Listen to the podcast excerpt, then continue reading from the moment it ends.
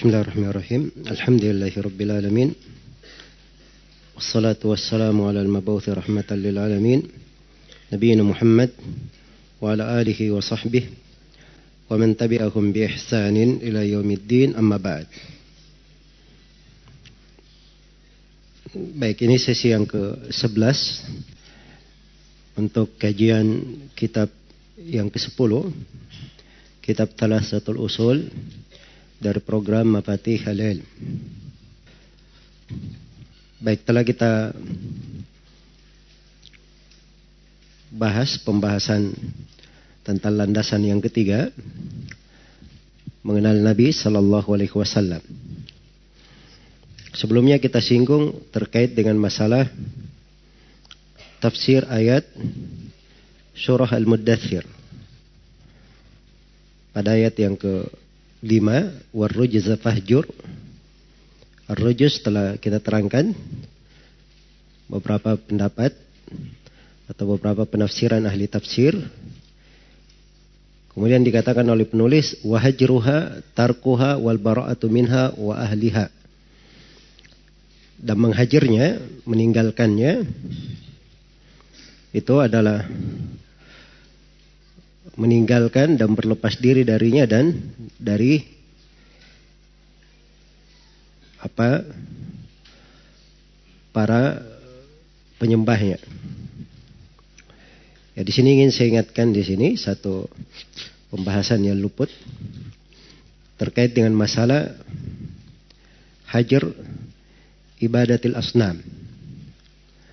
Meninggalkan peribadatan kepada berhala. Meninggalkan peribadatan kepada berhala itu kembali kepada empat perkara. Kembali kepada empat perkara. Yang pertama adalah meninggalkannya. Dan meninggalkan pelakunya.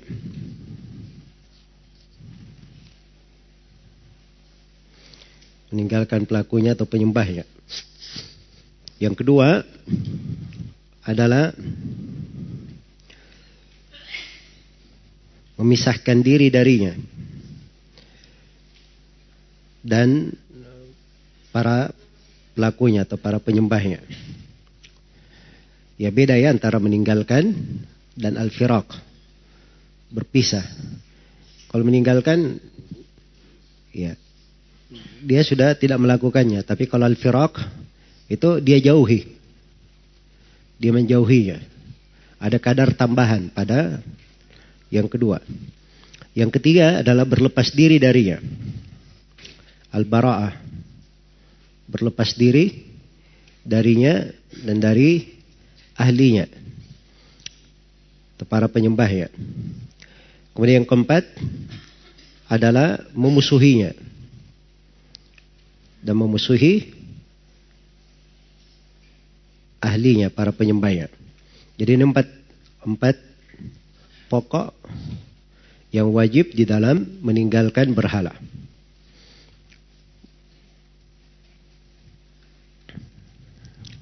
Baik. Al-bara'a itu berlepas diri ya. Permusuhan itu kadar tambahan dari berlepas diri. Nah,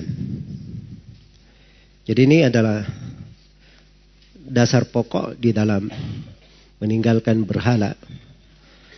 Iya. Bahkan dia adalah kaidah. Empat ini bahkan menjadi kaidah di dalam menghajar meninggalkan segala yang diibadahi selain daripada Allah. Tempat kaidah. Jadi ada orang yang meninggalkan tapi dia tidak benci. Ada orang yang meninggalkan tapi dia tidak memusuhi. Ya, ini tidak masuk ya di dalam orang yang memenuhi kewajiban. Baik, pembahasan yang telah kita kaji terkait dengan definisi hijrah. Ini yang ke-11, tariful hijrah. Sekarang pembahasan yang ke-12.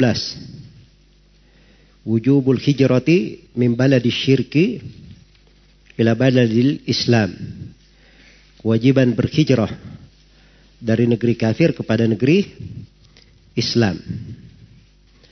Iya.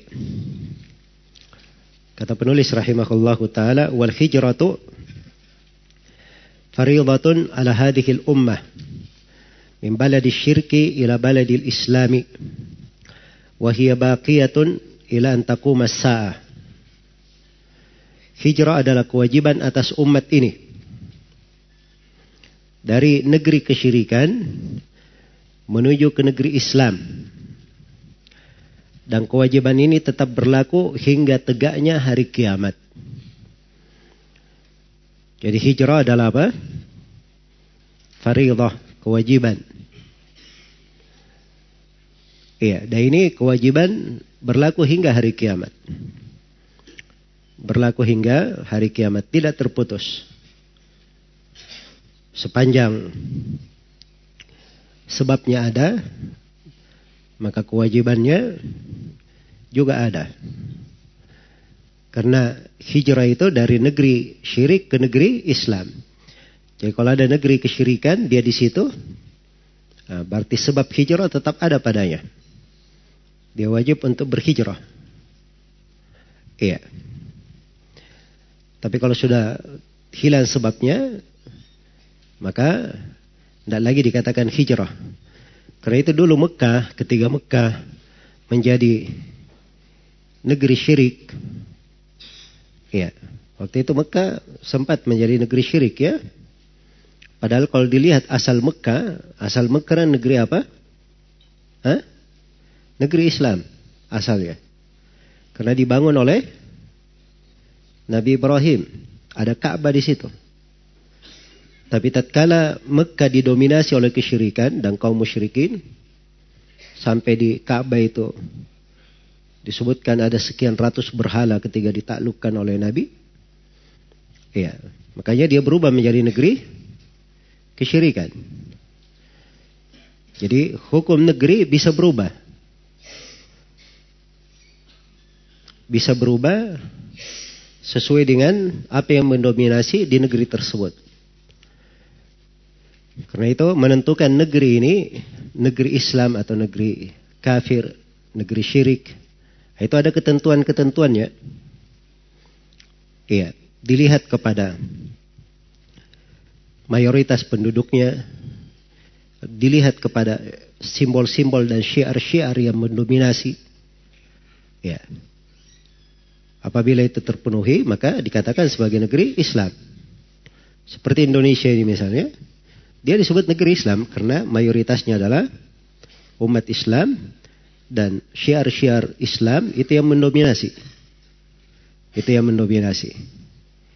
Dan kadang sebagian ulama ada yang memandangnya kembali melihat kepada pemimpinnya atau apa yang berjalan di negeri tersebut. Baik, jadi mereka ada ukuran-ukuran dalam menentukan ini negeri Islam atau negeri kafir, negeri kesyirikan. Baik. Iya. Karena itu keliru kalau ada yang mengatakan Indonesia ini bukan negeri Islam, bukan negeri kafir. Loh, negeri apa jadinya? Ya, karena tidak ada di dalam pembagian buku-buku fikih ada negeri yang ketiga. Iya. Katanya Islam ini negeri Al-Ahad katanya. Perjanjian. Perjanjian itu bentuk dari suatu proses di dalam negeri, kesepakatan. Tapi itu bukan sifat sebuah negeri. Bukan sifat sebuah apa? Sebuah negeri. Nah, ini keliru ya di dalam memahami. Baik. Jadi harus didudukkan masalah ini dengan benar. Nah, jadi Mekah ketika dia ditaklukkan oleh Nabi berubah. Mekah menjadi negeri apa? Islam. Karena itu Nabi berkata la hijrata ba'dal fath. Tidak ada lagi hijrah setelah Fathu Mekah. Setelah Mekah ditaklukkan, tidak ada lagi hijrah. Kenapa? Karena Mekah sudah berubah menjadi negeri Islam. Adapun hijrah bermakna berpindah dari negeri syirik ke negeri Islam, ini adalah kewajiban tetap berlaku hingga hari kiamat. Adapun Mekah dia sudah berubah menjadi negeri Islam dan sudah dijamin akan menjadi negeri Islam hingga akhir zaman. Karena itu tidak ada lagi hijrah setelah Fathu Mekah. Baik. Jadi ini penegasan dari penulis ya, rahimahullahu taala tentang kewajiban hijrah ini. Iya. Karena itu telah syah dari Nabi Shallallahu Alaihi Wasallam dalam hadis riwayat Abu Daud dan Tirmidzi dari Jarir bin Abdullah Rasulullah Sallallahu Alaihi Wasallam bersabda, "Ana bariun min kulli muslimin yukimu baina adhuril musyrikin." Kata beliau, saya berlepas diri dari setiap muslim yang bermukim di tengah kaum musyrikin. Para sahabat bertanya, Qalu ya Rasulullah lima. Mereka bertanya, wahai Rasulullah kenapa? Qala tara'a narahuma. Atau kata beliau, la tara'a narahuma. Jangan sampai api keduanya itu saling melihat. Iya. Maksudnya jangan mereka bergabung di situ antara orang-orang musyrik dan kaum muslimin. Iya. Jadi kalau dia negeri ke, negeri kesyirikan, tidak boleh ada umat Islam bermukim di situ. Ya, ini terkait dengan kewajiban untuk berhijrah. Dan kewajiban hijrah ini, ini memberikan kepada kita pemahaman tentang Islam bermukim di negeri kaum musyrikin itu tidak diperbolehkan, diwajibkan berhijrah. Menunjukkan bahwa Islam itu ya ada bentuk baroah, berlepas diri dan memusuhi apa? kesyirikan. Iya. Karena itu orang yang mengatakan bahwa agama itu semuanya sama. Ya, tidak ada masalah dengan hal tersebut. Ya, maka ini adalah hal yang keliru. Dibedakan di dalam masalah keyakinan dan hukum-hukum agama. Itu tidak diperbolehkan. Ada hal yang seperti itu. Kecuali kalau orang kafir tinggal di negeri kaum muslimin. Nah ini lain lagi pembahasannya. Ini namanya kafir tinggal di negeri kaum muslimin. Berarti dihitungnya sebagai kafir dimi. Nah, untuk kafir dimi itu ada hukum-hukum di dalam syariat. Tidak boleh didolimi secara umum. Tidak boleh didolimi. Nah, ini ketentuan berlaku di dalam agama kita. Baik. Jadi kata beliau, wahia baqiyatun ila antaku masa. Dan ini tetap tegak, ya tetap kewajibannya berlaku hingga tegaknya hari kiamat. Baik. Baik, jadi tadi saya sudah terangkan ya, hijrah ada dua makna. Ada makna umum dan ada makna apa? Makna khusus. Jadi kalau makna khususnya saja itu wajib sampai hari kiamat. Demikian pula makna umumnya. Dia adalah kewajiban yang berlaku hingga hari kiamat. Baik, kita lihat apa dalilnya tentang kewajiban hijrah. Sini penulis akan membawakan dua ayat dan satu hadis. Kita akan jelaskan dua ayat dan satu hadis. Pembahasan yang ke-13. Dalil dari adilu minal kitabi was sunnah ala wujubil hijrati wa syarhihi atau syarhuhu syarah dari dalilnya. Dalil dari Al-Quran dan hadis tentang kewajiban hijrah dan penjelasan dalil tersebut. Ya, dalilnya kata beliau wad dalilu Qauluhu ta'ala innal ladina tawaffahumul malaikatu zalimi anfusihim. Dalilnya adalah firman Allah taala sesungguhnya orang-orang yang diwafatkan oleh para malaikat dalam keadaan mendolimi diri sendiri. Iya, dalam keadaan mendolimi diri sendiri. Ini ayat telah kita terangkannya turun pada penduduk Mekah dari kaum muslimin yang sudah berucap dengan keislaman tapi tidak berhijrah. Ayat ini turun pada mereka. Dikatakan diwafatkan oleh malaikat dalam keadaan mendolimi diri mereka. Iya. Dikatakan di sini al-malaika. Para malaikat. Jadi Yang mewafatkannya itu para malaikat kan jamak. Ya dan sudah kita kaji ya di dalam hadis datangnya malaikat yang mencabut nyawa itu malakul maut. Tapi ada pembantu-pembantunya dari malaikat-malaikat. Ya, karena itu dijamak. Dalimi anfusihim. Mereka mendolimi diri mereka. Kenapa? Dalim karena dia tidak berhijrah. Nah, jadi orang yang tidak berhijrah disebut sebagai orang-orang yang dalim. Kalau malaikat bertanya, "Fima kuntum?" Iya. Dalam keadaan bagaimana kalian ini? Iya.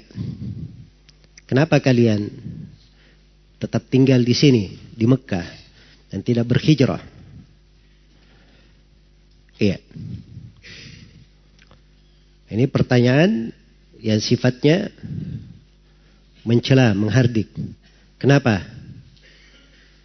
Mereka tidak berhijrah. Lalu mereka menjawab, Kunna mustadha'afina fil ard. Kami adalah orang yang tertindas di atas muka bumi. Maksudnya di Mekah, di negeri ini. Di negeri Mekah. Iya. Kami orang yang tidak mampu berhijrah. Ya. Tidak mampu. Kami adalah orang yang lemah di atas muka bumi. Kalau maka para malaikat menjawab, malaikat bertanya lagi. Alam takun ardullahi wasi'a fatuhajiru fiha? Bukankah bumi Allah itu luas sehingga kalian dapat berhijrah kepada saja kalian di bumi itu. Ya. Nah, ini dari apa namanya? arahan yang sangat mendalam. Bumi itu luas. Ya. Jangan keberadaan kalian di atas sebuah negeri, di atas sebuah tanah membatasi kalian sehingga kalian menelantarkan kewajiban, jatuh di dalam dosa. Bumi Allah itu luas. Bumi Allah luas. Bukan kalau bumi Allah luas kalian berhijrah padanya, ya tidak diberi udur dengan meninggalkan hijrah. Tidak diberi udur. Nah itu diancam, faulaika ma'wahum jahannam wasaat masira. Mereka ini orang-orang yang tempat tinggalnya adalah neraka jahanam. Sedangkan jahanam itu adalah seburuk-buruk tempat kembali. Iya. Jadi terdapat bahwa orang yang meninggalkan hijrah padahal dia mampu untuk berhijrah disebut sebagai orang yang zalim. Dan masuk di dalam pelaku dosa besar. Karena diancam dengan apa? Api neraka. Masuk dalam pelaku dosa besar. Nah, hanya diberi perkecualian bagi siapa yang betul-betul memang tidak mampu. Iya. Illa al-mustada'afina min ar-rijali wan nisa'i wal wildan la yastati'una hilatan wa la yahtaduna sabila. Kecuali mereka yang tertindas lemah, ya laki-laki, perempuan atau anak-anak kecil, yang mereka ini la yastati'una hila, mereka tidak punya hila.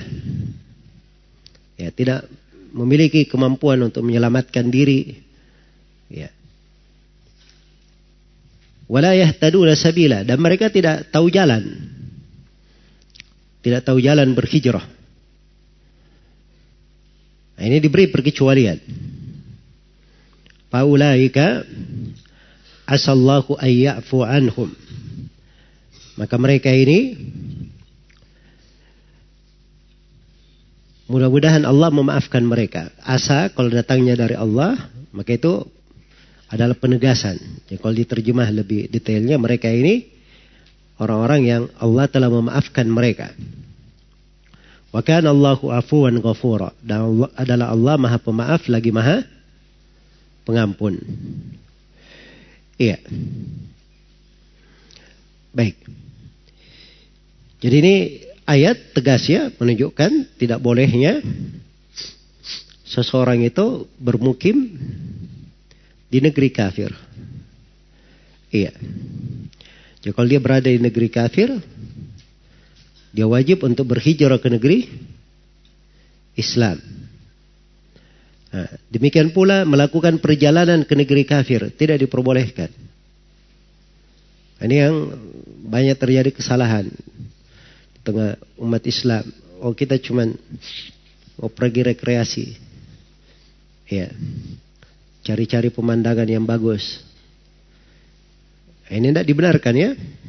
Melakukan perjalanan ke negeri kafir itu hanya dibolehkan oleh para ulama dengan tiga syarat. Dibolehkan dengan tiga syarat. Iya. Atau saya bahasakan lebih detail ya. Melakukan perjalanan ke negeri kafir itu dibolehkan apabila ada keperluan. Apabila ada keperluan. Dan apabila ada keperluannya itu boleh dengan tiga syarat. Ya keperluan contohnya apa? Misalnya dia perlu berobat. Atau dia perlu melanjutkan apa namanya sekolah pada ilmu-ilmu yang diperlukan oleh kaum muslimin di negerinya. Ya, dan semisal dengan itu, pada suatu hajat keperluan itu dibolehkan dengan tiga syarat. Syarat yang pertama, dia punya ilmu yang bisa membentenginya dari syubhat orang-orang kafir. Ya.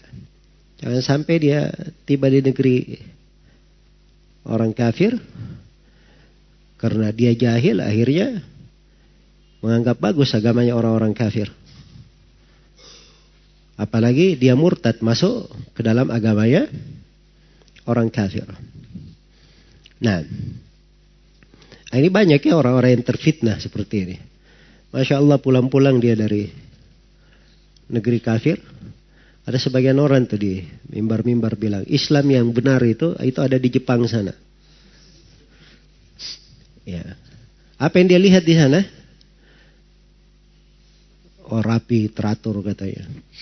Hah? Nah, Islam itu rapi, teratur. Ya. Orang kafir yang malah rapi, teratur.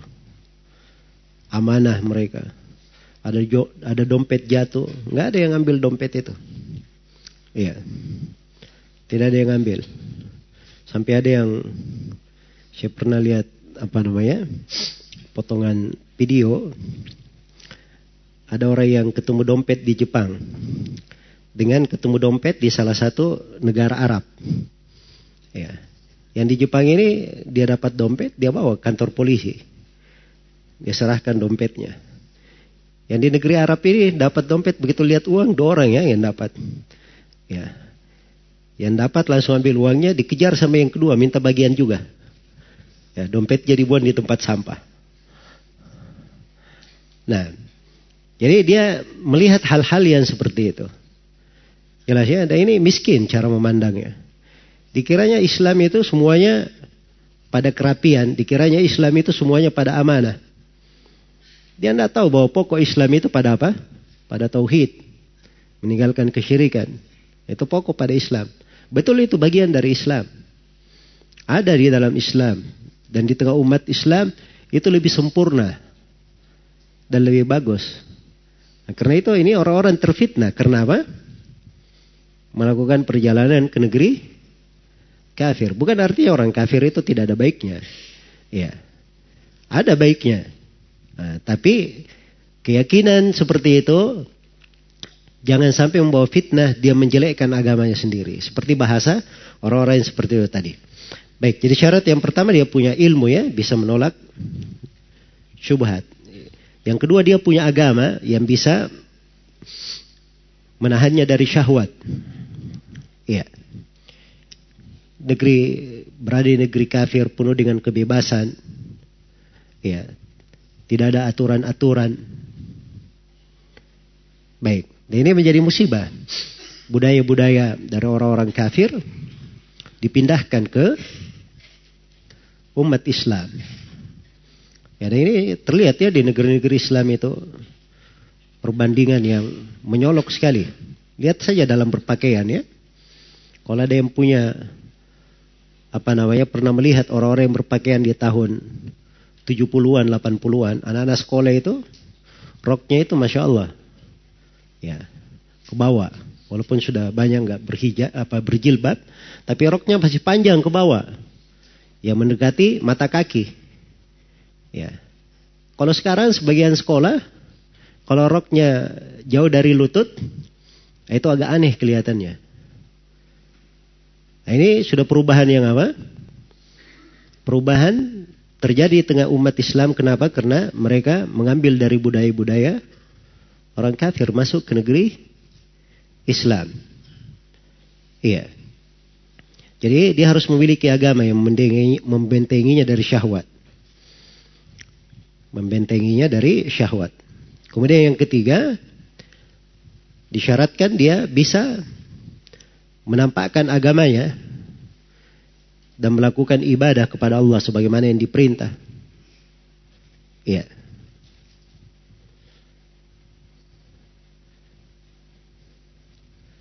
Menampakkan agamanya dan menegakkan ibadah sebagaimana yang dia diperintah.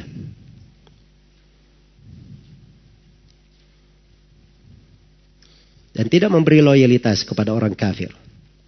Kepada kaum musyrikin. Ini tiga ketentuan. Apabila ada, maka hal tersebut apabila ada keperluan, tidak ada masalah. Ya karena itu tampaknya bahwa banyak manusia di masa ini bergampangan. Baik. Kemudian dalil yang kedua dari ayat juga kata penulis rahimahullahu taala Wa qawluhu ta'ala ya ya ibadiyalladzina amanu inna ardi wasi'atun fa iyaya fa'budun. Juga firman Allah Ta'ala, wahai hamba-hambaku yang beriman. Nah, dipanggil dengan ubudiyah, penghambaan. Dan diikatkan dengan sifat keimanan. Sesungguhnya bumiku itu luas. Ya fa'iyya ya fa'budun. Hanya kepadakulah kalian beribadah. Iya. Jadi bumi Allah itu luas. Banyak tempat seorang itu bisa beribadah. Bisa beribadah. Fa'iyya ya Pak Budun. Hanya kepadaku kalian beribadah. Nah, ini pokok ya. Keberadaan seorang itu di atas muka bumi ini. Bagaimana dia beribadah kepada Allah subhanahu wa ta'ala. Nah, ini pertanggungjawaban yang paling besar di atas muka bumi. Ketika dia berjalan di atas bumi Allah Subhanahu wa taala untuk beribadah. Baik. Ini dua ayat dibawakan oleh penulis ucapan Al-Baghawi rahimahullah. Kata beliau qala Al-Baghawi rahimahullah sababu nuzuli hadhihi al-ayah fil muslimin alladziina bi Makkah wa lam yuhajiru nadahumullahu bismil iman. Al-Bagawi rahimahullah. Ya, Al-Bagawi penulis tafsir. Iya. Tafsirnya disebut dengan nama Ma'alim Tanzil. Ma'alim At-Tanzil. Al-Bagawi kunya beliau Abu Muhammad. Namanya Al-Husain bin Mas'ud. Al-Husain bin Mas'ud Abu Muhammad Al-Bagawi. Iya. Tafsir Al-Bagawi ini termasuk tafsir ringkas yang diterima oleh para ulama. Iya. Yang diterima oleh para ulama. Baik. Karena itu kata Ibnu Al-Qayyim rahimahullahu taala, ijtama'atil ummatu ala talakki tafsirihi bil qabul wa qira'atihi ala ru'usil ashhad min ghairi nakir. Telah sepakat umat Islam menerima tafsir Al-Baghawi dengan penerimaan. Dan sepakat pula mereka membacanya di kehadiran makhluk, maksudnya di depan manusia khalayak ramai tanpa ada yang mengingkari. Ini tafsir Al-Baghawi. Baik. Tafsir Al-Baghawi ini dari rujukan yang penting ya, ringkas tapi rujukan penting dalam tafsir. Iya. Dia lebih ringkas dari tafsir Ibnu Kathir. Lebih ringkas dari tafsir Ibnu Kathir. Kata Al-Bagawi, sababu nuzuli hadhil ayat. Sebab turunnya ayat ini, ini dinukil di, oleh Al-Bagawi dari Muqatil, Ibnu Hayyan dan Al-Kalbi. Ini turun pada al-muslimin alladzina bi Makkah. Maksudnya kaum muslimin yang lemah di Mekah. Iya. Lam yuhajiru. Ya mereka ini tidak berhijrah. Nadahumullahu bismil iman. Maka Allah memanggil mereka dengan panggilan keimanan. Ya ibadiyalladzina amanu. Disebut dengan keimanan. Menunjukkan bahwa dari keimanan berhijrah. Siapa yang tidak berhijrah, maka itu bertentangan dengan makna keimanan. Menunjukkan bahwa dia adalah seorang mukmin yang kurang keimanannya. Ya, orang yang berdosa. Orang yang berdosa. Tapi dia dosa besar, tetap dia bertauhid. Dihitung kepada mukminin, cuman dia adalah pelaku dosa besar. Itu dua dalil dari Al-Quran. Sekarang dari hadith. Kata beliau, "Wad-dalilu 'ala al-hijrati min as-sunnati qauluhu sallallahu alaihi wasallam la tanqati'u al-hijratu hatta tanqati at-taubatu wa la tanqati wa la tanqati at-taubatu hatta tatlu asy-syamsu min maghribiha." Adapun dalil kewajiban hijrah dari sunnah adalah sabda Rasulullah sallallahu alaihi wasallam. La tanqati'ul hijrah hijrah tak akan terputus. Hatta tangkati at-taubah. Sampai pintu tobat tertutup. Jadi kalau pintu tobat tertutup, terputus, nah terputus puluh hijrah. Sedangkan taubat itu ya tidak tertutup hingga matahari apa? Terbit dari arah barat. Maksudnya sampai hari kiamat. Iya. Dan taubat tidak akan terputus sampai matahari terbit dari arah barat. Baik, ini hadith yang disebutkan oleh penulis rahimahullah diriwayatkan oleh Imam Abu Daud dari Muawiyah bin Abi Sufyan radhiyallahu anhu. Baik. Jadi terdapat ya penjelasan tentang kewajiban hijrah bahwa hijrah itu tidak akan terputus kewajibannya terus berlanjut terus berlanjut hingga hari kiamat.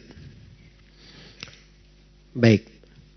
Sebagaimana taubat tidak akan terputus sampai matahari terbit dari arah barat. Iya. Inilah yang disebut di dalam Al-Qur'an ya. Yauma ya'ti ba'du ayati rabbik la yanfa'u nafsan imanuha lam takun amanat min qablu au kasabat fi imaniha khaira. Ya, hari tatkala datang sebagian tanda kebesaran Robmu, itulah matahari terbit dari arah barat. Maka keimanan tidak akan bermanfaat kepada seseorang. Iya. Apabila orang ini sebelumnya tidak beriman atau dia ada upaya di dalam keimanannya. Jadi kalau dia baru beriman setelah matahari terbit dari arah barat, tidak diterima lagi. Kecuali kalau sebelumnya sudah beriman, ya, maka itu nggak ada masalah. Baik. Jadi ini ayat ditafsirkan oleh hadits ini terkait dengan masalah tobat itu pintu tobat tidak tertutup hingga hari kiamat. Nah, berikutnya pembahasan yang ke-14. Selesai ya pembahasan hijrah di sini. Kita pindah ke pembahasan yang ke-14. Istiqrarun Nabiyyi sallallahu alaihi wasallam bil Madinah. Wa amruhu bi baqiyati syara'il Islam. Mukimnya Nabi sallallahu alaihi wasallam di Madinah dan perintah menegakkan syariat-syariat Islam yang lainnya. Iya. Kata beliau, "Falamma istaqarra bil Madinati umira bi baqiyati syara'il Islam." مثل الزكاة والصوم والحج والآذان والجهاد والأمر بالمعروف والنهي عن المنكر وغير ذلك من شرائع الإسلام أخذ على هذا عشر سنين Tatkala menetap di Medina, beliau Shallallahu Alaihi Wasallam diperintah untuk menegakkan syariat-syariat Islam lainnya seperti zakat, puasa, haji, adan, jihad, amar ma'ruf dan nahi mungkar serta syariat-syariat Islam lainnya. Beliau berdakwah di atas syariat ini selama 10 tahun. Iya. Baik. Jadi Nabi Shallallahu Alaihi Wasallam di Mekah itu semuanya 13 tahun. Menyuruh kepada tauhid, melarang dari kesyirikan. Iya. Melarang dari kesyirikan. Setelah itu diperintah berhijrah ke Medina. Nah, di Medina beliau menetap beliau menetap di sana, tetap tauhid itu adalah bagian dari apa yang disampaikan oleh Nabi Shallallahu Alaihi Wasallam di Medina. Ya hanya saja di Medina itu syariat-syariat yang lainnya juga sudah diperintahkan. Mulai turun syariat-syariat yang lainnya. Iya. Baik. Jadi itu umumnya seperti itu. Ini Nabi Shallallahu Alaihi Wasallam. Demikian pula Nabi Musa alaihi salam itu syariat terkait dengan syariat turun kepada Nabi Musa alaihi salam dan kaumnya setelah Fir'aun dan bala tentaranya dibinasakan. Setelah Fir'aun dan bala tentaranya dibinasakan. Iya. Jadi tidak langsung turun dari awal semuanya. Ya bisa dibayangkan ya berapa lama tuh. Sampai Firaun dan bala tentaranya dibinasakan. Mereka hidup di atas tauhid. Ya, ibadah kepada Allah setelah Firaun dan bala tentaranya dibinasakan, nah, baru diturunkan kitab kepada Nabi Musa alaihi salam. Iya. Iya. Jadi ini dari hal-hal yang Penting untuk diketahui. Jadi ini semisal ya dengan Nabi Musa alaihi salam. Ya bisa di apa namanya? dicatat untuk perbandingan dengan Nabi Musa ayatnya di surah Al-Qasas. Ya. Ayat 43. Dikatakan di dalam ayat tersebut walaqad ataina Musal kitaba min ba'di ma ahlakna al-quruna al-ula basaira lin-nasi wa huda wa rahmah la'allahum yatadhakkarun. Sungguh kami telah memberikan kitab kepada Nabi Musa setelah kami binasakan generasi-generasi pertama. Iya. Ini Firaun, bala tentaranya, Korun, Haman, semuanya dibinasakan. Baru diberikan kitab kepada Nabi Musa alaihi salam. Baik. Jadi ini kalau kita perhatikan ya, dakwah Nabi, dakwah para Nabi, itu akan diketemukan. Kesamaan dalam hal bagaimana metode menjelaskan tauhid. Mengajak manusia kepada tauhid. Baik. Jadi begitu beliau menetap di Medina, beliau diperintah dengan syariat-syariat Islam yang lainnya. Seperti zakat, puasa, haji. Ini semua dimaklumi ya bahwa syariat-syariat ini kewajibannya baru di Medina. Ya. Demikian pula adan. Adan dengan sifat yang sekarang kita lakukan. Adapun adan dalam bentuk memanggil ke sholat, itu sudah ada. Ketika di mana? Di Mekah. Iya. Tapi adan dengan sekarang lafat-lafat adan yang dibacakan di tengah umat Islam itu nanti syariatnya di Medina. Demikian pula haji. Ini haji dari syariat-syariat yang datang belakangan. Demikian pula jihad. Ya. Jihad fisabilillah. Karena di Mekah itu tidak ada jihad secara fisik, jihad secara fisik itu mulai ada kewajibannya di Medina menurut kesepakatan ulama. Demikian pula amar ma'ruf nahi mungkar. Amar ma'ruf dan nahi mungkar. Dan selainnya dari syariat-syariat Islam. Ya, seperti sholat id, sholat gerhana, sholat minta hujan. Baik. Jadi beliau di atas hal ini selama 10 tahun. Di atas hal ini selama 10 tahun. Nah, setelah itu sempurna agama Nabi Shallallahu Alaihi Wasallam karena yang terakhir turun kepada Nabi Shallallahu Alaihi Wasallam al yawma akmaltu lakum dinakum wa atmamtu alaikum ni'mati wa raditu lakumul islam adina.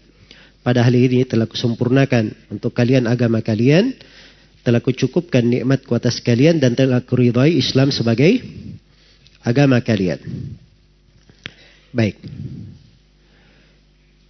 Berikutnya pembahasan yang terakhir wafatuhu sallallahu alaihi wasallam. Wafatnya beliau sallallahu alaihi wasallam. Iya. Kemudian kata beliau wa ba'daha tufiya sallallahu wasallamu alaihi. Ya setelah itu Nabi sallallahu alaihi wasallam meninggal. Iya.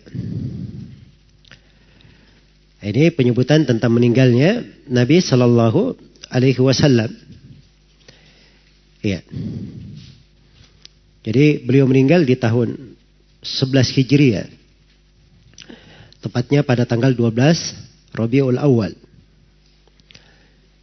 Iya. Jadi menurut kesepakatan ulama.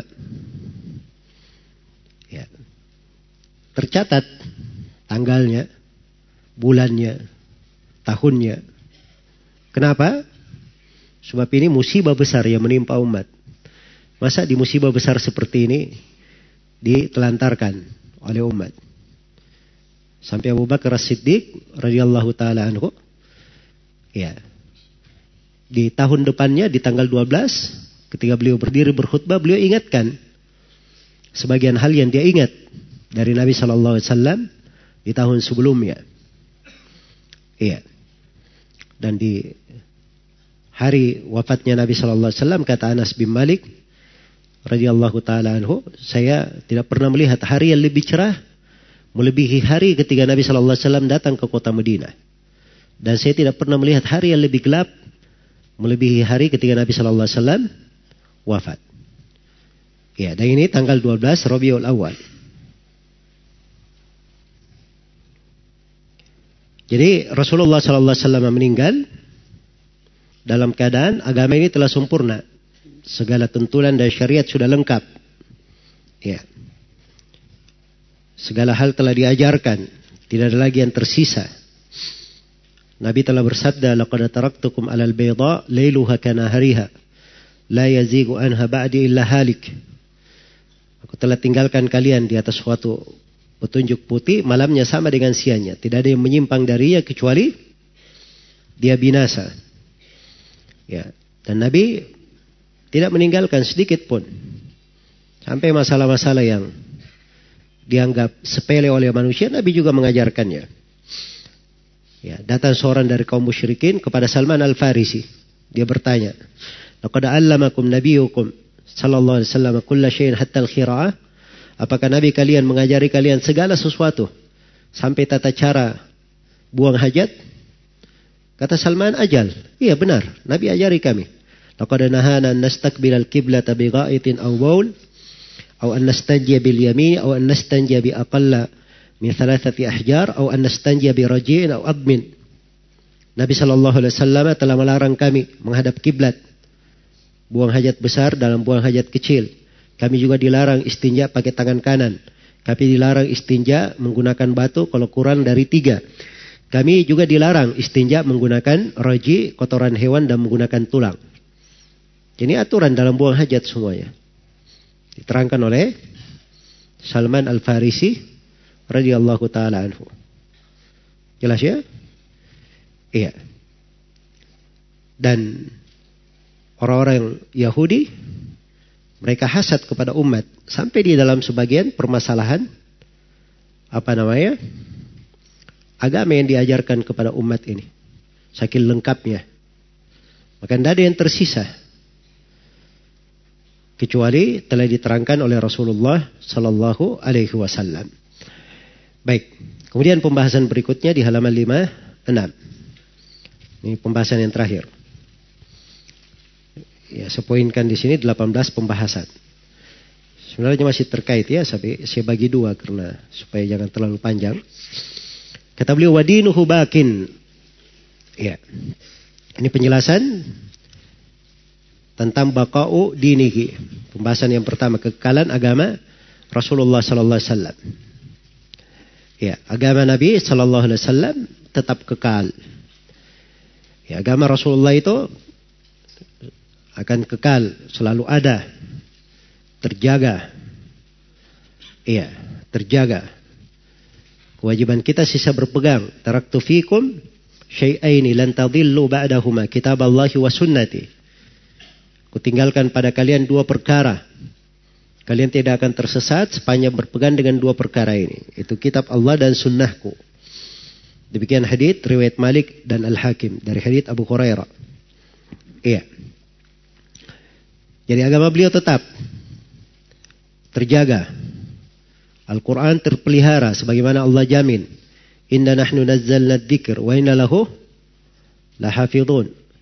Sungguhnya kami yang menjaga menurunkan Al-Quran dan kami akan menjaganya. Sebagaimana sunnah Nabi, agama dan syariat beliau tetap terjaga. La tazalu ta'ifatun min ummati zahirin ala al-haq la yadurruhum man khadalahum wala man khalafahum hatta ya'ti amrullahi wa hum ala dalik. Akan terus menerus ada satu kelompok dari umatku yang menampakkan agama. Tidak membahayakan mereka, orang yang menyelisihi mereka, orang yang menggembosi mereka, mencela mereka. Terus seperti itu sampai hari kiamat. Dan mereka di atas kejelasan dari agama. Maka agama ini selalu terpelihara, terjaga, terwarisi. Ya. Nah itu disebut agama ini sebagai warisan. Al ulama'u warathatul anbiya, para ulama pewaris para nabi. Warisan itu ya ter, terpelihara. Ya. Terpelihara. Nabi Shallallahu Alaihi Wasallam bersabda, ya tasmauna minni wa yusma'u minkum wa yusma'u mimman yusma'u minkum. Kalian mendengar dariku. Nanti akan datang orang mendengarkan dari kalian. Kemudian akan datang lagi orang mendengarkan dari orang yang mendengar dari kalian. Ya. Jadi ini sudah disebutkan berwaris ilmu ini. Selalu bersambung. Selalu bersambung. Ya tidak mungkin agama ini ada di suatu masa kosong dari ulama yang apa namanya menguasainya. Mungkin ada suatu masa dia lemah, tapi bukan artinya tidak ada sama sekali. Pasti tetap ada satu kelompok yang tampak dengan apa? Dengan kebenaran. Ya, baik. Jadi agama Nabi Shallallahu Alaihi Wasallam terjaga. Ya. Ini ke pembahasan yang pertama. Pembahasan yang kedua, dalalatuhu li ummatihi jami'al khair. At-tauhidu atau at-tauhid wa jami'a ma yuhibbuhu Allah wa yarda wa tahdhiruhu sallallahu alaihi wasallam min kulli syarr asyirki wa jami' ma yakrahuhu Allah wa ya'bah. Bimbingan Nabi sallallahu alaihi wasallam untuk umatnya pada segala kebaikan Ya.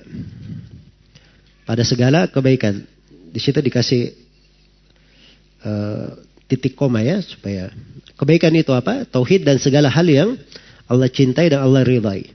Sebagaimana beliau peringatkan umatnya dari segala kejelekan. Itu juga diberi titik koma. Apa kejelekan itu? Kesyirikan dan seluruh hal yang dibenci. Dan tidak dianggap oleh Allah subhanahu wa ta'ala. Iya. Ini yang disebut oleh penulis rahimahullah taala di sini. Kata beliau, "Wahada dinuhu." Dan inilah agama Nabi Muhammad. La khaira illa dallal ummata alaihi. Ya. Tidak ada satu kebaikan pun kecuali beliau telah tunjukkan kepada umatnya. Wala syarra illa haddaraha minhu. Dan tidak ada sebuah kejelekan pun kecuali Nabi Muhammad sallallahu alaihi wasallam telah memperingatkan umatnya dari kejelekan tersebut. Iya. Baik. Nah ini konsekuensi ya dari sifat beliau. Ya sifat beliau itu azizun alaihi ma anittum harisun alaikum. Sangat berat kalian itu menyimpang. Jadi karena berat umatnya menyimpang, beliau terangkan hal-hal yang bisa membuat mereka menyimpang. Jangan sampai ada yang jatuh di situ. Harisun alaikum, beliau sangat semangat umatnya itu ada kebaikan. Maka segala hal yang baik beliau jelaskan kepada umatnya. Beliau jelaskan kepada umatnya. Di dalam Sahih Muslim dari Abdullah bin Amr bin As, Rasulullah sallallahu alaihi wasallam bersabda, "Innahu lam yakun nabiyyun qabli illa kana haqqan alaihi ayadulla ummatahu ala khairi ma ya'lamuhu lahum wa yundirahum syarra ma ya'lamuhu lahum. Tidak ada seorang nabi pun sebelumku, kata Nabi. Tidak ada seorang nabi pun sebelumku. Kecuali wajib nabi itu atas nabi tersebut menjelaskan segala kebaikan yang dia ketahui bagi umatnya. Dan wajib atas nabi tersebut menjelaskan segala kejelekan yang bisa membahayakan umatnya. Ya, luar biasa agama ini ya. Agama ini bukan diterangkan yang baik saja. Iya. Tapi kesempurnaan petunjuk diterangkan pula lawannya. Supaya jangan ada yang jatuh pada lawannya tanpa dia sadari. Iya. Kita kalau tidak kenal yang namanya pahit, ya, maka nilai dari manis itu kurang besar. Kan begitu. Sama dengan nikmat siang ini cahaya, terang. Kita tidak kenal nikmat siang cahaya kecuali ketika kita kenal adanya apa? Malam. Ya. Maka sesuatu itu dikenal nilai dan harganya dengan mengetahui lawannya. Ya. Mengetahui lawannya. Dan ini dari kesempurnaan agama ini. Agama ini menjelaskan segala hal. Seluruh jalan yang baik diterangkan. Dan seluruh kejelekan juga dirinci, diperingatkan. Ya. Bukan diterangkan ini jalan yang baik. Selain daripada itu jalan jelek, tidak. Tapi yang kejelekan diterangkan dari pokok-pokoknya. Ya. Apa yang merupakan pokoknya, cabangnya, rinciannya diterangkan pula oleh Rasulullah Sallallahu Alaihi Wasallam. Iya. Ini menunjukkan kelengkapan agama beliau. Baik. Apa kebaikan yang diterangkan oleh Nabi? Penulis jelaskan. Iya. Kata beliau, wal khairul ladzi dallaha alaihi tauhid wa jami'u ma yuhibbuhu Allah wa yardah. Kebaikan yang beliau tunjukkan kepada umatnya adalah tauhid dan segala sesuatu yang Allah cintai dan Allah ridai. Nah, beliau tafsirkan kebaikan itu apa yang diajarkan oleh Nabi. Paling pokoknya adalah apa? Tauhid. Disebutkan paling depannya sebab ini nikmat yang paling besar. Dan ini inti dakwanya para nabi dan para rasul. Dan ini pokok agama Nabi Muhammad sallallahu alaihi wasallam. Nah, dengan segala hal yang dicintai dan diridhai oleh Allah Subhanahu wa taala. Kalau ada hal dicintai dan diridhai oleh Allah, itu pasti Nabi sudah menjelaskan. Karena itu kalau ada hal yang tidak diterangkan oleh Nabi, maka jangan ada yang lancang mengatakan bahwa itu adalah hal yang disyariatkan, apalagi disunnahkan. Ya, apalagi diwajibkan. Padahal Nabi dan para sahabatnya tidak pernah memandangnya sebagai agama. Iya. Karena itu dari fikih Imam Malik, beliau berkata, apa yang bukan agama di masa Nabi, bukan pula agama di hari ini. Apa yang bukan agama di masa Nabi, bukan pula agama di hari ini. Nah, ini kaidah-kaidah penting di dalam beragama. Nah, ini penting ya kaidah-kaidah ini supaya kita kenal agama Nabi itu kayak bagaimana. Iya. Kita mengenal agama Nabi Muhammad sallallahu alaihi wasallam itu kayak bagaimana.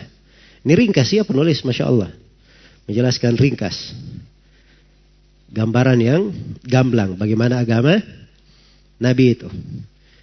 Jadi tidak mungkin ada kebaikan. Nabi tidak menunjukkan umat di situ. Dan tidak mungkin ada kejelekan. Nabi tidak peringatkan umatnya dari kejelekan tersebut. Iya.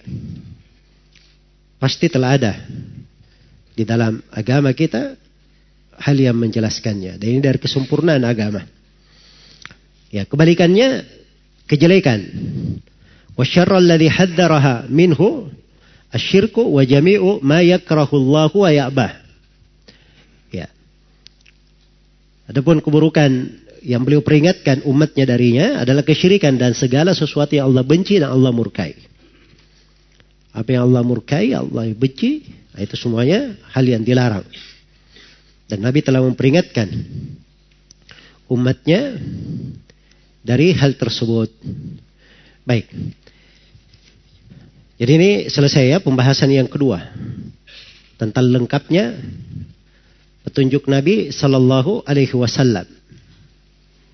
Iya. Lengkap petunjuk Nabi itu.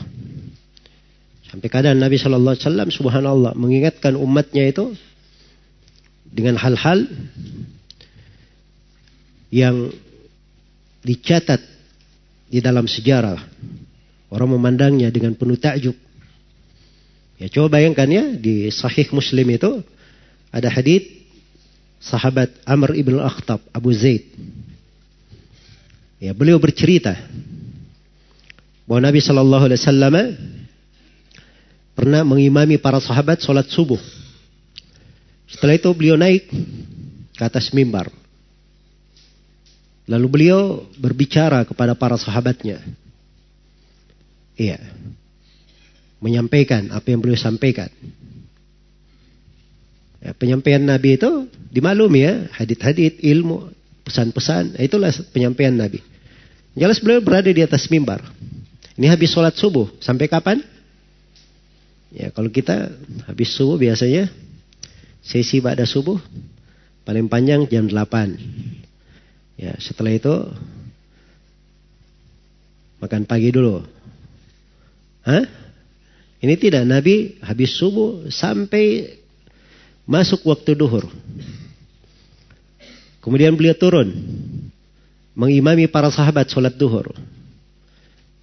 Setelah itu pulang, tidak ada sesi istirahat. Ya, setelah itu Nabi Shallallahu Alaihi Wasallam langsung naik ke atas mimbar lagi. Kemudian berbicara sampai masuk waktu asar.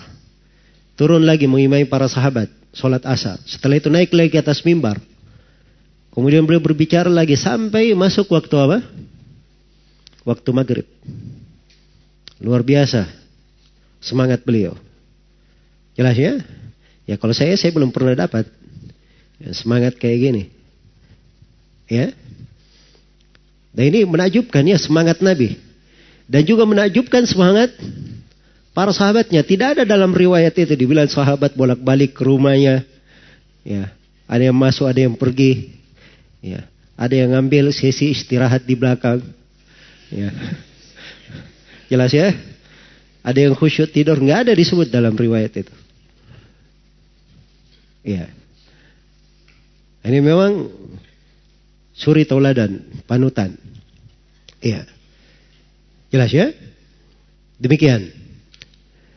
Jadi kata Amr bin Akhtab, yang paling banyak ilmunya di antara kami waktu itu adalah yang paling kuat menghafal apa yang disampaikan oleh Nabi Sallallahu Alaihi Wasallam. Dan ini menunjukkan bahwa kadang-kadang itu ceramah panjang-panjang itu nggak apa-apa. Gak ada masalah ya, dor-dor seperti ini nggak ada masalah. Iya. Kan bukan tiap hari. Nah, kalau tiap hari itu baru masalahnya lain. Ya. Tapi kadang-kadang hal yang seperti itu penting. Hal yang seperti itu. Baik. Kemudian pembahasan berikutnya, pembahasan yang ketiga, ba'athakullahu wa farada ta'atahu ala jami'i al-thaqalaini al-jinni wal-ins wa dalilu ala dhalik. Allah mengutus Nabi sallallahu alaihi wasallam dan mewajibkan seluruh makhluk jin maupun manusia untuk taat kepada beliau serta dalil tentang hal tersebut. Ini penjelasan tentang misi diutusnya beliau. Ya. Atau uh, penjelasan bahwa beliau ini adalah rasul yang Allah utus dan dalil akan hal tersebut. Kata beliau ba'athahu Allahu ila nasi kaffatan waftarada ta'atahu ala jami'i al-thaqalaini al-jinni wal ins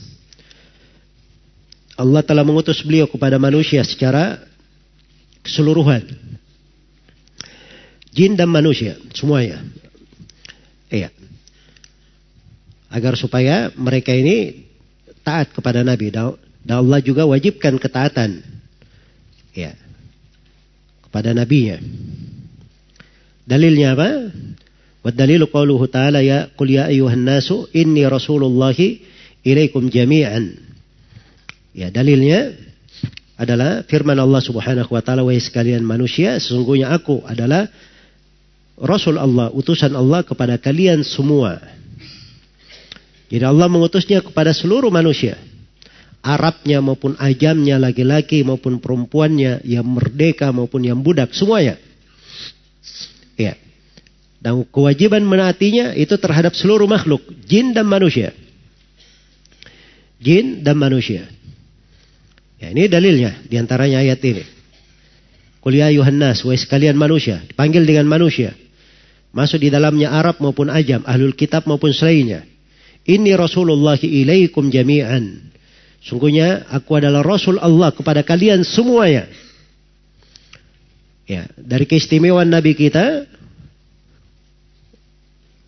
keutamaan khusus bagi beliau tidak diberikan kepada Nabi yang lainnya. Kalau Nabi sebelumnya itu itu diutus kepada kaumnya sendiri saja. Ya, setiap nabi diutus kepada kaumnya. Karena itu kita baca ya kisah Nabi Musa melakukan perjalanan menjumpai Nabi Khadir. Jadi Nabi Musa di tengah kaumnya ditanya, ada yang lebih berilmu daripada kamu? Nabi Musa menjawab, tidak ada. Saya tidak tahu. Ada yang lebih berilmu dari saya. Iya. Maka Allah pun menegur Nabi Musa. Tidak, ada hamba kami. Nabi Khadir. Ya, maka Nabi Musa pun meminta jalan bagaimana untuk menjumpai Nabi Khadir. Yang jelas Nabi Khadir ini bukan dari umatnya Nabi Musa. Karena itu ketika Nabi Musa datang menjumpai Nabi Khadir, Nabi Musa memperkenalkan dirinya, saya adalah Musa. Nabi Khadir bertanya, kamu Musa Bani Israel? Musanya Bani Israel? Ya. Nah, jadi setiap nabi diutus kepada kaumnya masing-masing. Kalau Nabi Muhammad tidak, diutus kepada seluruh makhluk. Jin dan manusia. Nah, ini keistimewaan Nabi kita, Nabi Muhammad. Sebagaimana di ayat yang lain Allah berfirman, "Wa ma illa lin-nasi basyiran wa nadhira." Tidaklah kami mengutus engkau Nabi Muhammad kecuali untuk seluruh manusia sebagai pemberi kabar gembira dan pemberi peringatan. Sampai kalangan jin saja, ya, dari kalangan jin yang disebut di surah Al-Ahqaf, Ya qaumana ajibu da'i Allah wa aminu bih. Wahai kaum kami, jawablah da'i dari Allah dan berimanlah terhadapnya. Baik, jadi risalah beliau ini mencakup jin dan dan manusia. Baik. Karena itu siapa yang kafir terhadap Nabi Shallallahu Alaihi Wasallam maka tempatnya adalah neraka. Wa may yakfur bihi minal ahzabi fannaru mau'iduh. Barang siapa yang kafir kepada Nabi dari golongan-golongan manusia maka neraka adalah tempat tinggalnya. Dan diriwayatkan oleh Imam Al-Bukhari dan Imam Muslim dari hadits Abu Hurairah. Rasulullah sallallahu alaihi wasallam bersabda, "Walladhi nafsu Muhammadin biyadihi la yasma'u bi ahadun min hadhihi al-ummah yahudiyyun wala nasraniyyun thumma yamut wa yu'min billadhi ursiltu bih illa kana min ashabin nar." Demi yang jiwa Nabi Muhammad berada di tangannya, tidak seorang pun dari umat ini, maksudnya dari umat manusia yang ada, tidak ada Yahudi, Nasrani mendengar saya diutus. Kemudian dia mati dalam keadaan tidak beriman dengan apa yang aku diutus dengannya kecuali dia pasti adalah penghuni neraka. Dia adalah penghuni neraka. Baik. Jadi ini keberadaan Nabi Shallallahu Alaihi Wasallam diutus oleh Allah dan diwajibkan untuk ditaati. Pembahasan yang keempat, ikmaluddin bihi wa daliluhu. Kesempurnaan agama dengan Nabi Shallallahu Alaihi Wasallam beserta dalilnya. ya beliau penulis berkata, wa akmalallahu bihi dina wa dalilu qauluhu ta'ala akmaltu lakum dinakum wa atmamtu alaikum ni'mati wa raditu lakumul islam dina. Allah menyempurnakan agama ini dengan beliau sallallahu alaihi wasallam. Dalilnya adalah firman Allah taala al-yawma akmaltu lakum dinakum. Pada hari ini telah kusempurnakan untuk kalian agama kalian. Wa atmamtu alaikum ni'mati dan telah kucukupkan kepada kalian nikmatku. Ya. Waraditu lakumul Islam Madinah serta telah kuridhai Islam menjadi agama kalian. Jadi agama sudah sempurna. Ya, nikmat Allah sudah lengkap. Dan Allah Subhanahu wa taala sudah meridhai Islam ini sebagai agama. Iya. Dan ini subhanallah ayat kejadiannya Nabi berada di Arafah di musim haji, di hari Arafah. Ya. Dan beliau berdiri di situ. Ya. Berdiri di apa namanya? tempat yang agung tersebut. Dan itu di hari Jumat kejadiannya. Di hari Jumat. Jadi dia sudah berada di hari yang agung di tempat yang agung, di masa yang agung. Iya. Di masa yang agung. Sampai kata sebagian orang Yahudi kepada Umar, andai kata ayat ini turun kepada kami, orang Yahudi, kami akan jadikan hari itu sebagai hari Id. Ya, kata Umar memang ayatnya turun di Arafah, di hari Jumat. Ya. Memang turunnya di waktu yang agung. Nah, inilah keagungan apa namanya ayat ini. Ya, turunnya di hari Jumat di Arafah, kemudian di bulan Hijjah di atas tempat yang diagungkan oleh Allah Subhanahu wa taala. Baik. Ini ayat al-yawma akmaltu lakum dinakum wa atmamtu alaikum ni'mati jadi kalau agama sudah sempurna, tidak ada lagi kekurangan di dalamnya. Karena itu Nabi mengingatkan, Iyakum wa muhdatsatil umur. Fa inna kulla muhdatsatin bid'ah wa kulla bid'atin dhalalah. Hati-hati kalian dari perkara yang baru. Karena setiap perkara yang baru adalah bid'ah dan setiap bid'ah adalah sesat. Itu hadits Irbat Ibn Sariyah riwayat Muslim. Semana dengannya hadis Jabir dalam Muslim dan ada kullu bid'atin dhalala di hadis Jabir itu pada riwayat An-Nasai. Baik. Jadi ini penjelasan bahwa segala yang tidak dikenal pada waktu itu maka tidak dianggap sebagai agama. Wa atmamtu alaikum ni'mati dan telah kucukupkan nikmatku Ya, segala nikmat yang zahir maupun yang batin sudah lengkap. Ya. Jadi kalau ingin mencari nikmat dalam Islam itu paling lengkap dan paling sempurna, yang zahir maupun yang batin. Waraditu lakumul Islam Madinah dan telah kuridai Islam sebagai agama kalian. Iya, maka inilah Islam yang telah cukup. Tidak ada lagi kekurangan di dalamnya. Tidak boleh ada yang menambah dan menguranginya. Ya, karena itu Nabi sallallahu alaihi wasallam bersabda, "Man ahdatha fi amrina hada ma laysa minhu fahuwa raddun." Siapa yang mengada-adakan di dalam perkara kami ini apa yang bukan darinya, maka itu akan itu adalah tertolak. Itu hadits Aisyah muttafaqun alaih di riwayat Muslimnya Rasulullah bersabda man amila amalan laisa alaihi amruna fahuwa raddun. Siapa yang beramal dengan sebuah amalan tidak dibangun di atas tuntunan kami, maka amalan tersebut adalah tertolak. Baik. Kemudian yang kelima, ini pembahasan tentang kesempurnaan agama. Ini sebenarnya pembahasan penting ya di masa ini. penting di masa ini dia terkait dengan masalah mengingat besarnya nikmat Allah terkait dengan masalah kaidah di dalam mengenal agama. Rasulullah terkait dengan kaidah dalam beragama terkait di dalam penjagaan terhadap agama ya kelurusan jalan ini banyak ya pembahasan di dalam kajian kesempurnaan agama ini. Baik. Dan ini dibahas oleh para ulama di masalah-masalah bid'ah. Ya sebab bid'ah ini sebelum terjadinya bid'ah Nabi sudah mengingatkan tentang bahaya bid'ah Ya, jangan sampai ada yang jatuh di dalamnya, berbuat bidah.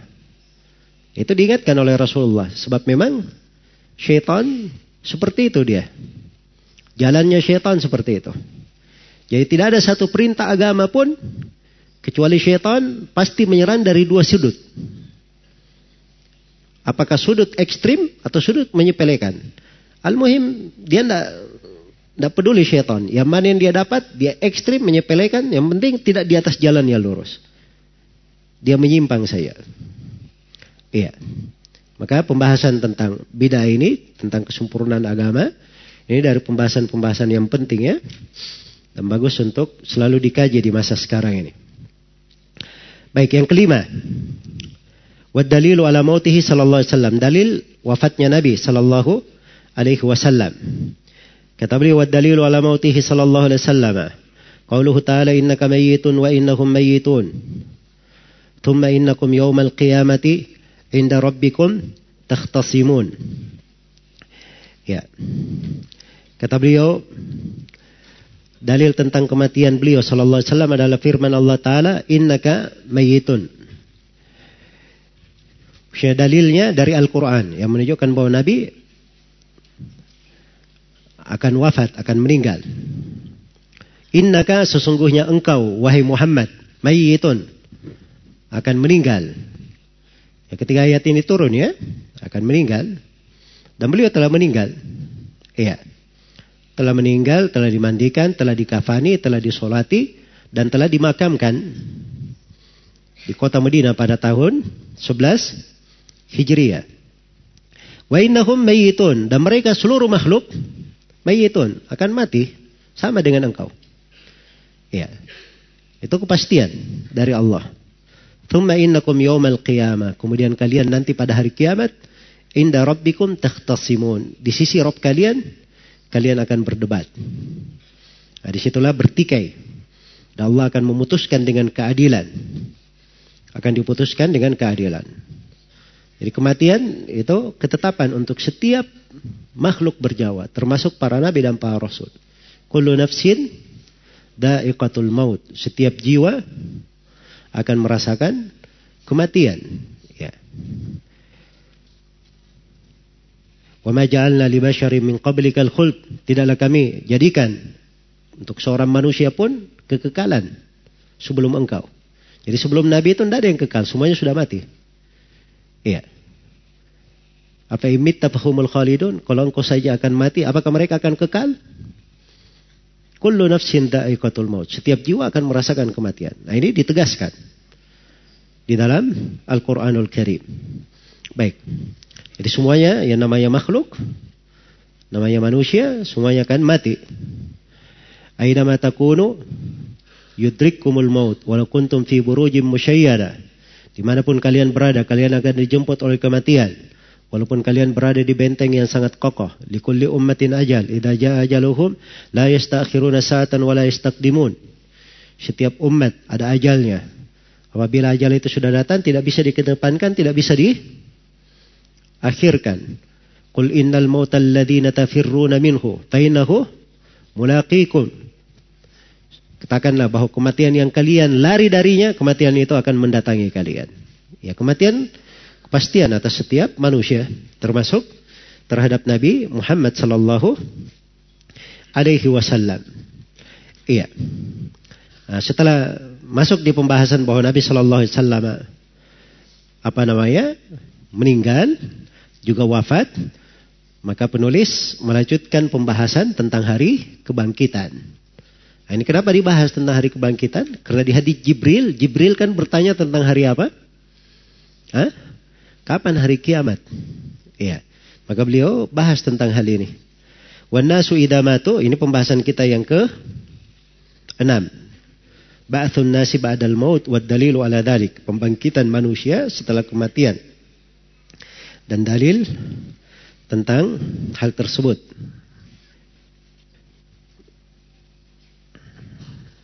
Kata beliau rahimahullahu taala, "Wan nasu idza matu yub'atsun." Wad dalilu qauluhu ta'ala, "Minha khalaqnakum wa fiha nu'idukum wa minha nukhrijukum taratan ukhra." Wa qauluhu ta'ala, "Wallahu anbatakum minal ardi nabata thumma yu'idukum fiha wa yukhrijukum ikhraja." Iya. Kata beliau, manusia setelah meninggal akan dibangkitkan kembali. Dalilnya adalah firman Allah Ta'ala.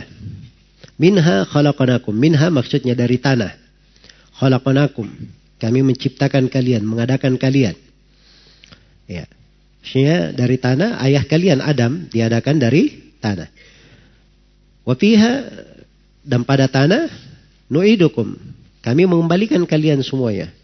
Kalian akan ditanam di situ. Ya, wa minha dan dari tanah pula nukhrijukum taratan ukhra. Kalian akan dikeluarkan lagi. Iya. Akan dikeluarkan lagi untuk kalian lainnya. Inilah hari kiamat. Inilah hari kebangkitan. Iya, hari kebangkitan. Nah, ini dalil yang pertama. Dalil yang kedua juga firman Allah taala wallahu ambatakum minal ardi nabata. Iya. Allah yang menumbuhkan kalian dari tanah dengan sebaik-baiknya. Jadi ketika Allah Subhanahu wa taala menciptakan Nabi Adam, ya diciptakan dari tanah. Ya, kemudian diciptakan dari Adam dari tulang rusuknya Hawa. Ya, darinya lah lahir makhluk ini manusia dari keturunannya. Iya. Jadi ditumbuhkan dari tanah dengan sebaik-baiknya. Thumma yu'idukum fiha. Kemudian di tanah lagi kalian akan dikembalikan. Wa yukhrijukum ikhraja. Dan kalian betul-betul akan dikeluarkan lagi dari tanah. Iya. Dikeluarkan lagi dari tanah. Baik. Nah, ini disebut ya dalam banyak ayat Al-Quran. Tapi penulis di sini hanya membawakan dua ayat saja. Membawakan dua ayat saja. Setelah itu beliau berpindah ke pembahasan Al-Hisab wal Jaza Ba'dal Ba'thi wa daliluhu Hisab dan pembalasan setelah kebangkitan beserta dalilnya. Jadi setelah kematian nanti ada kebangkitan. Setelah kebangkitan diapain? Ada hisab. Nah, inilah kata penulis rahimahullah. Ya. Kata beliau, wa ba'dal ba'thi muhasabuna wa majziyuna bi a'malihim والدليل قوله تعالى ليجزي الذين أساءوا بما عملوا wa yajziyal ahsanu bil husna. Iya. Kata beliau setelah kebangkitan setelah dibangkitkan mereka akan dihisap. Nah, itu muhasabuna dari kata hisap. Ya, ketika makhluk sudah dibangkitkan, berdiri semua dari kuburnya, maka mereka akan dihisap. Dihisap seluruh amalannya, yang kecil maupun yang besar, yang kasar maupun yang halus, yang tampak maupun yang tidak tampak.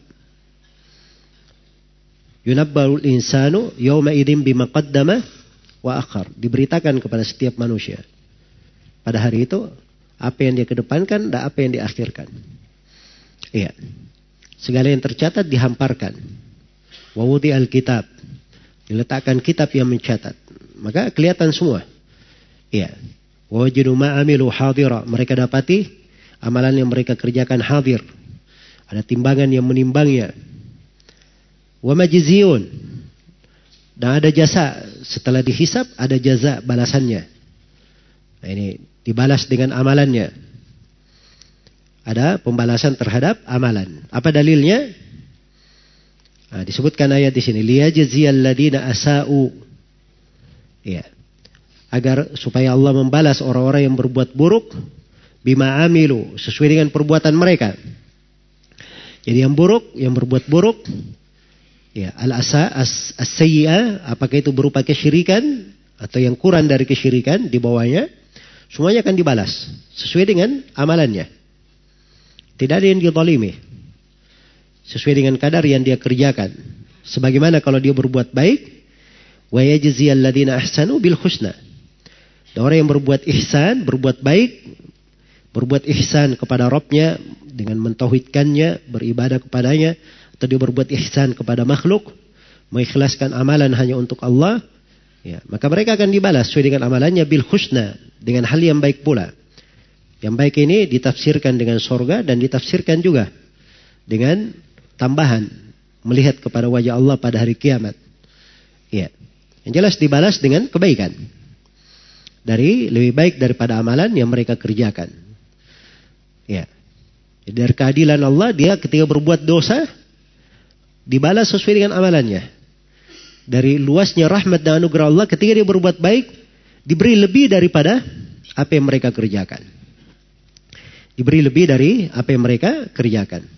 فَمَنْ يَعْمَلْ مِثْقَالَ ذَرَّةٍ خَيْرًا يَرَهُ وَمَنْ يَعْمَلْ مِثْقَالَ ذَرَّةٍ شَرًّا يَرَهُ Ya, siapa yang beramal satu darah dari kebaikan, dia akan melihatnya. Sebagaimana siapa yang beramal satu darah dari kejelekan, dia akan melihatnya. Litujza kullu nafsin bima tas'a. Setiap jiwa akan diberi balasan sesuai dengan apa yang dia kerjakan. Ya di dalam hadits qudsi dari hadits Abu Dar Rasulullah sallallahu alaihi wasallam meriwayatkan dari Allah bahwa Allah berfirman ya ibadi innama hiya a'malukum uhsiha lakum thumma uwaffikum iyyaha faman wajada khairan falyahmadillah wa man wajada ghaira dalika fala yalumanna illa nafsa wahai hamba-hambaku itu amalan kalian sendiri Aku hitung dengan detailnya. Kemudian aku cukupkan pembalasannya kepada kalian. Sempurnakan pembalasannya untuk kalian. Siapa yang mendapatkan kebaikan, hendaknya dia memuji Allah. Yang memberi taufik kepadanya. Dan siapa yang mendapatkan selain daripada itu, jangan sekali-sekali dia mencela kecuali dirinya sendiri. Agama sudah diterangkan. Syariat sudah dijelaskan. Ada Rasul diutus di tengah kita. Ada kitab menjadi pedoman dan petunjuk. Jadi kalau ada yang keluar dari hal tersebut, ya dia sendiri memang yang menjadi sebab. Baik. Nah, setelah itu, setelah membahas tentang kebangkitan, tentang hisab dan pembalasan, penulis menyinggung tentang siapa yang kafir terhadap hari kebangkitan. Iya. Kata beliau rahimahullahu taala dan ini pembahasan kita yang ke-8 kufru man kadzdzaba bil ba'thi wad dalilu ala dalik. Kekafiran siapa yang mendustakan hari kebangkitan beserta dalil akan hal tersebut. Kata beliau man kadzdzaba bil ba'thi kafar. Wad dalilu qauluhu ta'ala. Za'ama alladziina kafaru an la. Wa rabbi latub'atsunna thumma latunabba'unna bima amiltum. Wa dzalika 'ala Allah yasir. Ya. Kata beliau, Siapa saja yang mendustakan hari kebangkitan, maka dia adalah kafir. Ini hukum yang mendustakan hari kebangkitan. Ya. Dia dianggap kafir. Kenapa? Karena dia mendustakan Allah dan mendustakan Rasulnya dan mendustakan kesepakatan kaum muslimin. Dalilnya bahwa dia kafir, za'amal ladina kafaru. Orang kafir menyangka. Jadi dia disebut kafir sudah. Apa sangkanya orang kafir? Allah yuba'athu. Bahwa mereka tidak akan dibangkitkan. Iya. Orang kafir ini, dia karena kekafirannya pengennya enak saja. Wah saya mau berdosa, bermaksiat. Kan kalau sudah mati saya nggak ada hisap, nggak ada pembalasan. Iya. Baik. Maka disebut bahwa mereka kafir. Nah ini dari kekafiran pokok kaum jahiliyah. Kul katakan wahai Nabi Muhammad. Jawab kepada orang-orang yang mengingkari hari kebangkitan. Bala. Tidak. Bahkan kalian akan dibangkitkan. Warabbi. Dan Nabi Muhammad diperintah bersumpah. Bahkan kalian akan dibangkitkan. Demi Allah. Latuba'athunna. Sungguh kalian akan dibangkitkan. Thumma latunabba'unna bima amiltum. Iya. Kemudian akan diberitakan kepada kalian. Akan diberitakan kepada kalian Apa pun yang kalian kerjakan, segala yang kalian lakukan akan diberitakan. Dari yang diluputkan. Wadalika ala Allah yasir. Ya dan yang demikian itu hari kebangkitan dan pembalasannya itu bagi Allah sangatlah mudah. Bagi Allah sangatlah mudah. Allah yang mengadakan makhluk. Mengembalikannya itu lebih mudah bagi Allah. Wa huwa alladhi yabda'ul khalqa thumma yu'idu wa huwa ahwanu alaih. Dialah Allah yang memulai penciptaan makhluk. Kemudian Allah mengembalikannya. Dan itu lebih mudah bagi Allah subhanahu wa ta'ala. Baik. Selesai tentang hari, tentang kebangkitan. Ya, pembahasan berikutnya, pembahasan yang ke sembilan. Irsalur rusul mubashirina wa mundirina wa dalilu ala dalik. Ya, pengutusan para rasul sebagai pemberi kabar gembira dan pemberi peringatan beserta dalil akan hal tersebut. Kata penulis, wa arsalallahu jami'ar rusuli mubashirina wa mundirin. Dan Allah mengutus seluruh rasul sebagai pemberi kabar gembira dan pemberi peringatan. Ya rasul itu ada dua tugasnya. Memberi kabar gembira dan memberi apa? Peringatan. Nah itu agama. Ada kabar gembira dan ada apa? Peringatan. Jangan seorang itu kalau berbicara agama seakan-akan dia pemberi peringatan saya. Ya, tidak ada kabar gembiranya. Ya.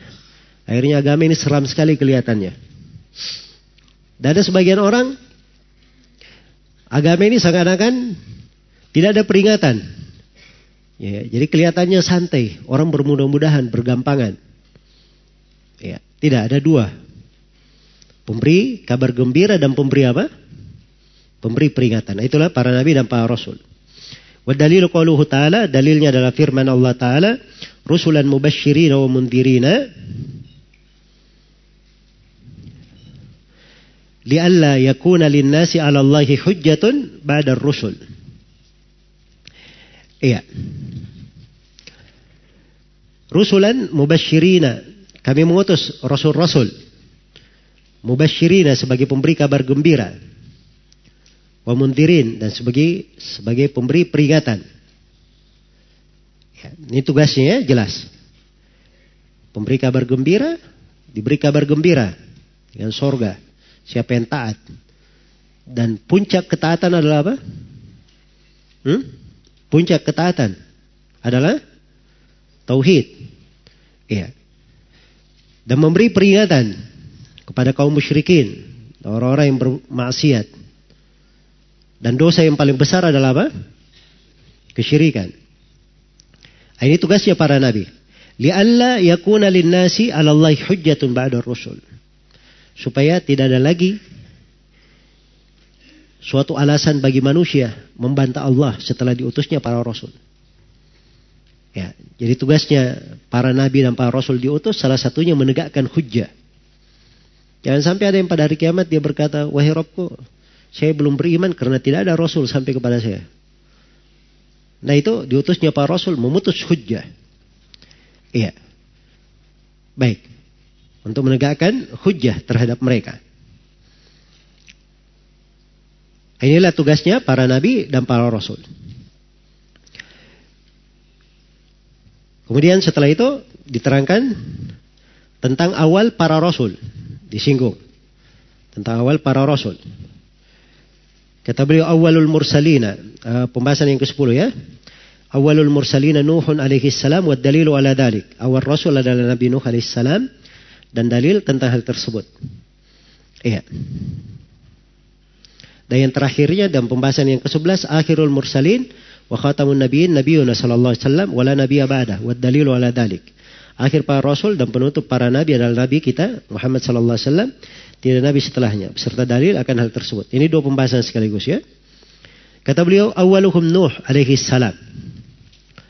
Awal nabi adalah Nuh alaihi salam. Wa akhiruhum Muhammadun sallallahu alaihi wasallam. Wa huwa khatamun nabiyyin la nabiyya ba'dah. Dan akhirnya adalah akhir dari para nabi dari para rasul adalah Nabi Muhammad sallallahu alaihi wasallam dan beliaulah penutup para nabi. Tidak ada nabi setelahnya. Apa dalilnya? Dimulai dulu dari Nabi Muhammad sebagai penutup para nabi. Wa dalilu qauluhu ta'ala dalilnya adalah firman Allah taala maka Muhammadun aba ahadim min rijalikum walakin Rasulullahi wa khataman nabiyyin. Iya. Muhammad itu sekali-sekali bukanlah bapak dari seorang lelaki di antara kalian, tapi dia adalah Rasul Allah dan penutup para nabi. Nah, telah syah dari Nabi ya dalam hadits riwayat Bukhari Muslim dan ini haditsnya mutawatir. Nabi berkata la nabiya ba'di. Tidak ada nabi setelahku. Ya, salah satu nama nabi tadi apa? Hmm? Nama nabi yang artinya tidak ada nabi setelahnya. Hah? Al-Aqib. Al-Aqib artinya karena beliau tidak ada nabi setelahnya. Baik. Kemudian, wad dalilu ala anna awwalahum Nuh, qauluhu ta'ala, "Inna awhayna ilaika kama awhayna ila Nuhin wan nabiyyina min ba'di." Ya. Dalil bahwa dalil bahwa rasul pertama di antara mereka adalah Nuh alaihi salam adalah firman Allah taala inna auhayna ilaika sesungguhnya kami mewahyukan kepadamu wahai Nabi Muhammad Kama auhayna ila Nuhin. Sebagaimana kami wahyukan kepada Nabi Nuh. Wan Nabi Nabi Ba'di dan para Nabi setelahnya. Jadi wahyu kepada Nabi Muhammad itu sama. Kepada para Nabi sebelumnya. Dimulai dari siapa? Nuh dan para Nabi setelahnya. Nah, disebut Nabi Adam. Ya. Karena di sini Nabi bermana Rasul. Jelas ya? Nah, ini lebih tegas lagi di dalam hadis syafaat. Yaitu di hadits Abu Hurairah, riwayat Bukhari dan Muslim. Ya. Di hadits syafaatnya ketika dia datangi para nabi dan para rasul, maka manusia datang kepada Nabi Adam. Nabi Adam berkata, sungguhnya Robku hari ini murka. Kemurkaan yang Allah tidak murka sebelumnya semisal itu. Dan tidak akan murka semisal itu setelahnya. Saya dulu pernah dilarang mendekati pohon, kata Nabi Adam. Lalu saya bermaksiat. Nafsi, nafsi, diriku, diriku. Idhabu ila gairi. Pergilah kalian kepada selainku. Idhabu ila Nuh. Kata Nabi Adam, pergilah kepada Nabi Nuh. Iya. Payatuna Nuhan. Maka dalam hadis dikatakan, manusia pun mendatangi Nabi Nuh. Fayakuluna, maka manusia berkata, Ya Nuh, anta awalur rusul ilal ard. Wahai Nuh, engkau adalah awal rasul Allah di atas muka bumi. Ya, Nabi Adam itu nabi. Ya, itu ada haditsnya ya, wa kana nabiyan mukallama. Nabi Adam adalah seorang nabi yang Allah berbicara kepadanya. Tapi Nabi Adam alaihi salam bukan rasul. Awal rasul adalah siapa? Nabi Nuh alaihi salam. Baik, ini dalilnya. Sudah kita bahas ya di pembahasan para nabi dan para rasul bahwa para nabi dan para rasul itu jumlahnya Berapa? Hah? Berapa jumlahnya? Ya, ada yang bisa mengetahui berapa jumlahnya ya. Di batasan kalau sesuai dengan teks ayat. Tapi di dalam Al-Quran, kemarin saya sebutkan, dalam Al-Quran nama Rasul ada berapa? Ada 25 yang dalam Al-Quran. Ya. Jadi sudah disebutkan dalam Al-Quran. Warusulan qad qasasnahum. Alaika min qabl warusulan lam naqsus alaik. Ada para rasul yang sudah kami ceritakan kepada kalian. Ada para rasul yang lam naksushum alaik. Kami belum ceritakan kepada engkau. Baik, itu ada hadith ya. Diriwayatkan oleh Ibnu Hibban. Ada beberapa uh, teks riwayat, tapi secara umum hadithnya dikuatkan oleh Syekh Al-Albani dari Abu Dar Al-Ghifari radhiyallahu anhu. Ya, Abu Dar bertanya, "Qultu ya Rasulullah." Saya bertanya, "Wahai Rasulullah, kamil ambia, berapa jumlah para nabi? Maka Nabi menjawab, mi'atu alfin wa arba'atun wa ishruna alfan. Jumlah para nabi itu 124 ribu. Jumlah para nabi. Akhirnya tanya lagi oleh Abu Dar. Kami rusul minhum dari 124 ribu ini. Para rasulnya ada berapa? Ini menunjukkan bahwa Rasul itu dia pasti apa? Pasti Nabi. Ya, tapi kalau Nabi belum tentu dia Rasul. Itu kaidahnya begitu ya. Ya, dan kita sudah sebutkan bahwa Nabi dan Rasul itu bersyirikat dalam pengutusan. Ya, yang membedakannya antara Nabi dan Rasul kemarin apa? Hah? Kalau Nabi, kalau kalau Rasul diutus kepada kaum yang apa? Menyelisihi mereka. Kalau Rasul, kalau eh, baik, kalau Rasul diutus kepada kaum yang menyelisihi, kalau Nabi diutus kepada kaum yang sudah bersepakat. Jelas ya? Ini sudah kita terangkan perbedaannya. Baik, para rasulnya ada berapa dari Nabi itu? Kata Nabi, 300 wa 13. 313 rasul. 313 rasul. Jamun ghafir. Ada jumlah yang banyak. Baik. Jadi ini uh, sekilas ya tentang jumlah para nabi dan para rasul. Baik. Selesai sudah. Dari pembahasan tentang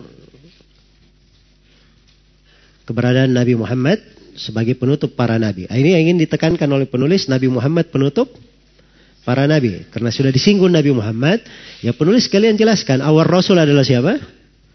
Nabi Nuh alaihissalam. Setelah itu beliau masuk menjelaskan dari inti pokok agama Nabi Muhammad sallallahu alaihi wasallam. Ini yang kita akan kaji insyaallah taala di sesi terakhir nanti. Ya mungkin malam ini kita masih selesaikan materi ini ya, belum masuk di pembahasan kitab tauhid. Ya setelahnya uh, kita akan tanya jawab karena mungkin materi paling penuh selesai dengan tanya jawab itu uh, jam 8 seperempat. Karena jam 9 nanti saya ada acara lain. Baik, untuk sementara saya cukupkan sampai sini. Subhanakallahumma bihamdik. Asyhadu an la ilaha illa anta astaghfiruka wa atubu ilaik. Walhamdulillahirabbil alamin.